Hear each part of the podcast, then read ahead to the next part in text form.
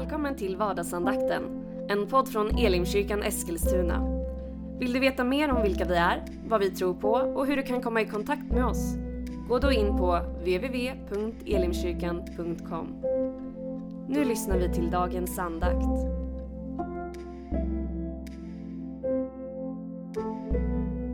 Välkommen till vardagsandakten. Jag heter Joel Backman, jag är pastor i Elimkyrkan Eskilstuna. Det är min förmån att få dela några tankar med dig idag utifrån Guds ord. Jag vill tipsa dig redan nu, även om vi bara är i början av september, att i slutet av oktober så har vi en stor konferens som heter Höstglöd. 27-29 oktober i Elimkyrkan Eskilstuna. En ekumenisk konferens. Men se till att boka in redan nu den helgen. Vi har bokat in talare och vi kommer börja släppa det snart. Fantastiska talare i år, så du vill inte missa det här. Vi har talat nu om den andliga vapenrustningen. Återigen, inte en fysisk vapenrustning utan en andlig vapenrustning. Inte för att strida emot människor av kött och blod utan för att strida emot andemakter och krafter. Det där ondskan som finns och som hela tiden för strid mot oss. Den kampen. Och då har vi talat om att Gud enligt Paulus då har gett oss olika vapen, olika saker vi kan använda. Och senast talade vi om, om bönen. Och jag vill fortsätta lite grann med just detta om bönen.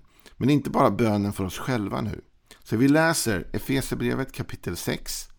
Och vi läser från vers 14 så vi får med allting som en påminnelse. Stå alltså fasta. Med sanningen som bälte runt höfterna och klädda i rättfärdighetens pansar. Bär som skor på era fötter den beredskap som fridens evangelium ger. Ta dessutom trons sköld. Med den kan ni släcka den ondes alla brinnande pilar. Ta emot frälsningens hjälm och andens svärd som är Guds ord. Gör detta under ständig bön och åkallan och be alltid i anden. Var därför vakna och håll ut i bön för alla de heliga. Be också för mig att ordet ges mig när jag öppnar min mun så att jag frimodigt förkunnar evangeliets hemlighet. För vilken jag är en ambassadör i bojor. Be att jag talar så öppet och så fritt som jag bör. Vi talade senast om att, att de här tre sätten att, se, äh, att be, se, be. Ständig bön, åkallan och att be i anden. Men här har vi också en till typ av viktig bön.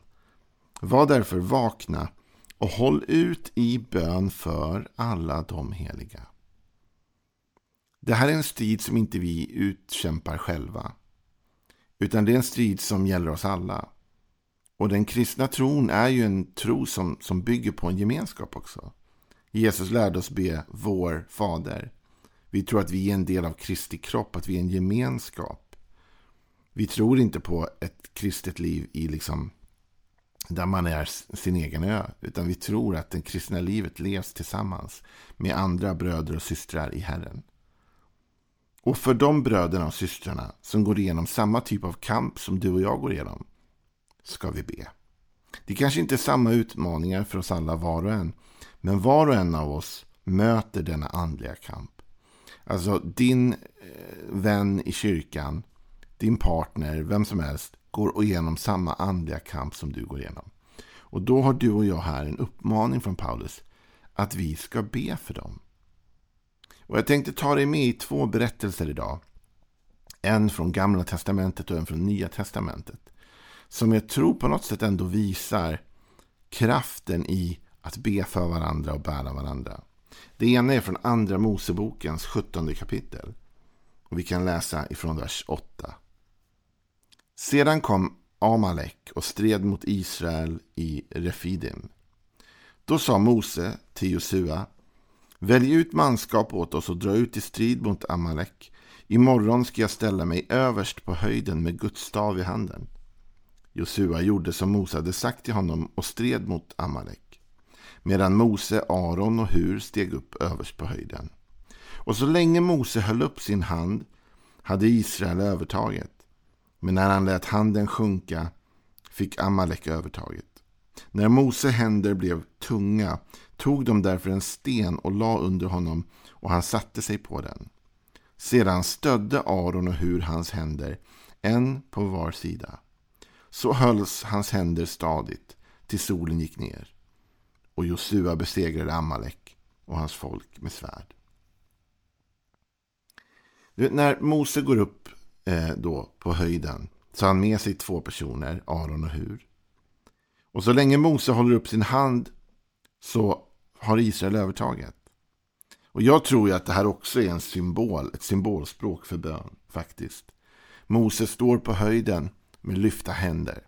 Han ber för Israel. Medan Israel strider där nere så har han sin hand lyft mot höjden. Det är det ena. Mose ber för Israel medan de strider. Och du och jag, vi behöver folk som ber för oss medan vi strider vår livskamp. Vi är inte starka nog själva. Det är inte ett svaghetstecken att be människor om förbön. Förbön är ett friskhetstecken. Det är att inse att jag inte är ensam och jag behöver någon som ber för mig idag. Vi behöver alla någon som ber för oss hela tiden. Och Moses, han ber för Israel när de strider. Men Mose blir trött när han ber. Hans armar, det är tungt att stå och hålla handen uppe hela dagen såklart. Och han börjar sänka handen och när han sänker handen då går det sämre för Israel. Så Aron och Hur som är med honom upp, de fattar det här beslutet. Vi ska stödja Mose. Om han inte orkar hålla upp armen själv så ska vi hjälpa honom. Vi ska lyfta hans händer åt honom. Och så lyfter de hans händer en på varje sida. Återigen tror jag det här är symbolen verkligen för bönelivet. De bär Moses. Så vi behöver bära varandra. Det här är ju starkt. Mose, han är ju ledaren för Israel. Och han ber för Israel. Han lyfter sina händer där. Och som ledare så ber han för sitt folk. Men även ledaren blir trött. Även Moses blir trött. Även den som står där kan tappa orken. Och då finns det då människor runt honom som bär honom. Jag skulle vilja uppmuntra dig idag att hitta några människor i din närhet som du litar på. Som du kan våga säga till du, jag skulle nog behöva förbön. Jag skulle behöva att du ber för mig nu. Jag har en jobbig vecka, jag har ett jobbigt möte. Det är så lätt om, bara för att det blir rent, du vet, konkret och praktiskt. Idag med alla messengergrupper och sånt där. Du kan, du kan starta en liten grupp, bjud in några vänner som du har förtroende för. Och säg, be för det här. Och så kan man liksom ha en grupp som ber tillsammans när det dyker upp någonting. Och om du har en grupp av några människor som ber tillsammans. Så tror jag du kommer upptäcka det här. Att i perioder så kommer du vara den som behöver förbön. Men i perioder kommer du vara starkare och då kommer du märka att det finns andra i den gruppen som ber om förbön. Och på det sättet hjälper vi varandra. Det finns en tid då Moses ber för Israel. Det finns en tid då Aron och Hur lyfter upp Mose. Så vi tillsammans ber vi till Gud. Ett av de starkaste och mest vackra bibelorden tycker jag i Bibeln. Det är faktiskt när Jesus säger till Petrus. Simon, Simon, jag har bett för dig. Han säger djävulen har bett att få sålla er som vet det, men jag har bett för dig Simon. Att din tro inte ska bli om intet. Så Jesus bad för Simon. Och du och jag, vi ber för varandra. Det här levde den första kyrkan i. Den första kyrkan som vi läser om i Apostlagärningarna, de mötte ju exceptionella svårigheter. Och jag vet att du och jag, vi möter också svårigheter, men det kan vara på lite olika sätt och olika plan. Det var en stark förföljelse över den första kyrkan. Och eh, de fängslades ofta och, kom ut igen, men de åkte in och ut. Sådär, va? Och i Apostlagärningarna 12 så blir Petrus fängslad. Och det är väldigt intressant att läsa om hur församlingen slöt upp kring honom just i bön. Och stred för honom med sin bön. Vi läser om det här i Apostlagärningarna kapitel 12 och vers 1. Vid den tiden lät kung Herodes gripa och misshandla några i församlingen.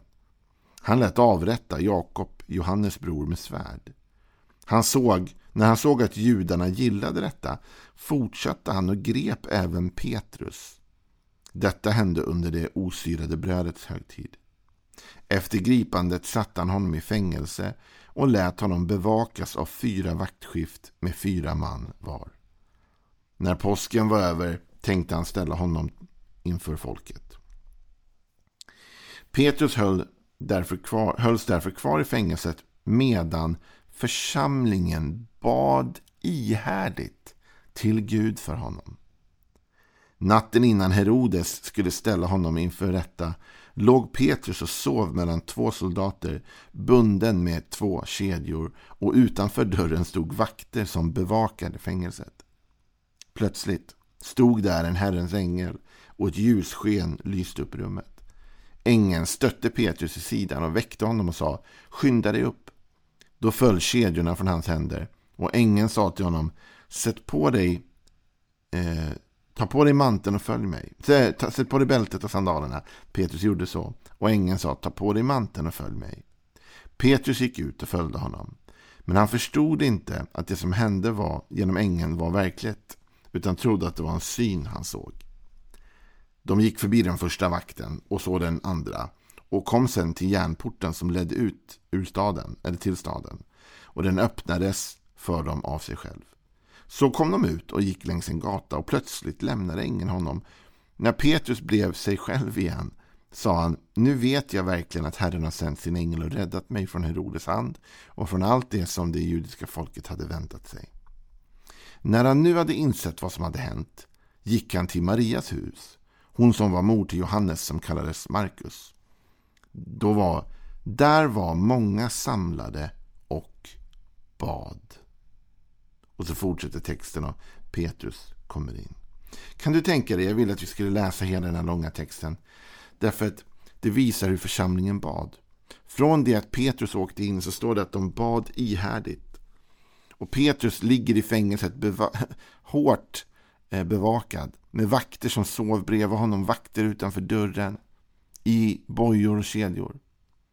Men medan församlingen bad så kommer Guds ängel till Petrus och befriar honom, tar honom ut i stan. Och Petrus, han tar sig dit där han förstår att lärjungarna är. Och när han kommer dit så finner han dem i bön. Och det här är min uppmaning till dig och mig. Att vi måste be för varandra. För när du och jag ber, då händer det saker. När du och jag ber så bryts bojor och fångenskap. I det andliga och i det fysiska ibland. Bönen påverkar alla arenor av liv. Men du och jag måste be för varann. Det räckte inte att bara Petrus låg och bad i fängelset. Jag är övertygad om att Petrus bad där i fängelset. Verkligen.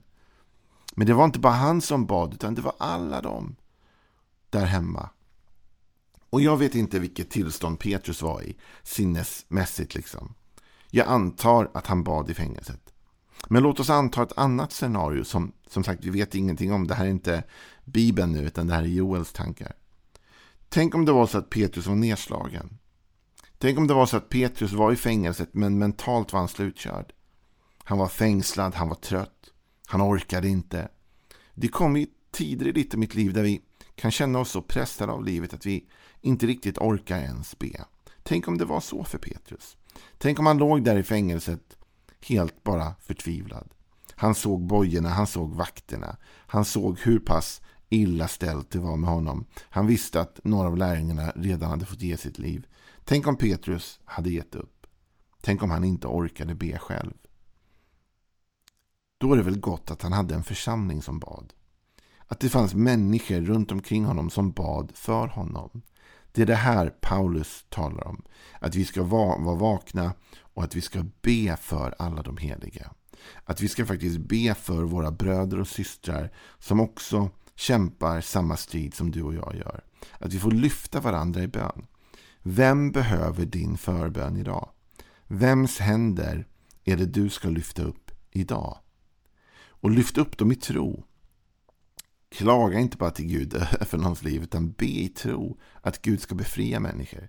Be i tro att det ska få bli mirakel. Be i tro att något ska hända. Be trons bön för din broder och syster.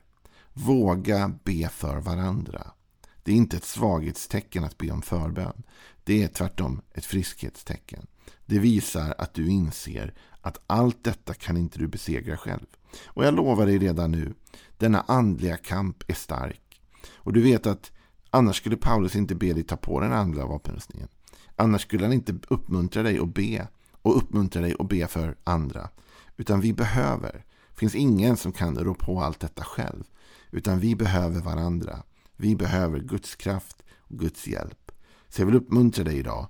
Lyft någon annans händer. be för någon annan. Våga kämpa i bön. Hela tiden och ständigt. Och om du nu tänker på någon särskild person idag, be för den. Kanske skapa en grupp av förebedjare, be tillsammans.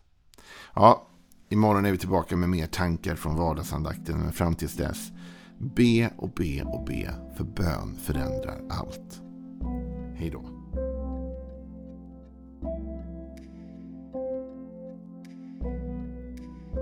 Du har nu lyssnat till vardagsandakten från Elimkyrkan Eskilstuna. Du har väl inte missat att vi finns på sociala medier? Eller att vi varje söndag firar gudstjänst? Hoppas att vi ses där.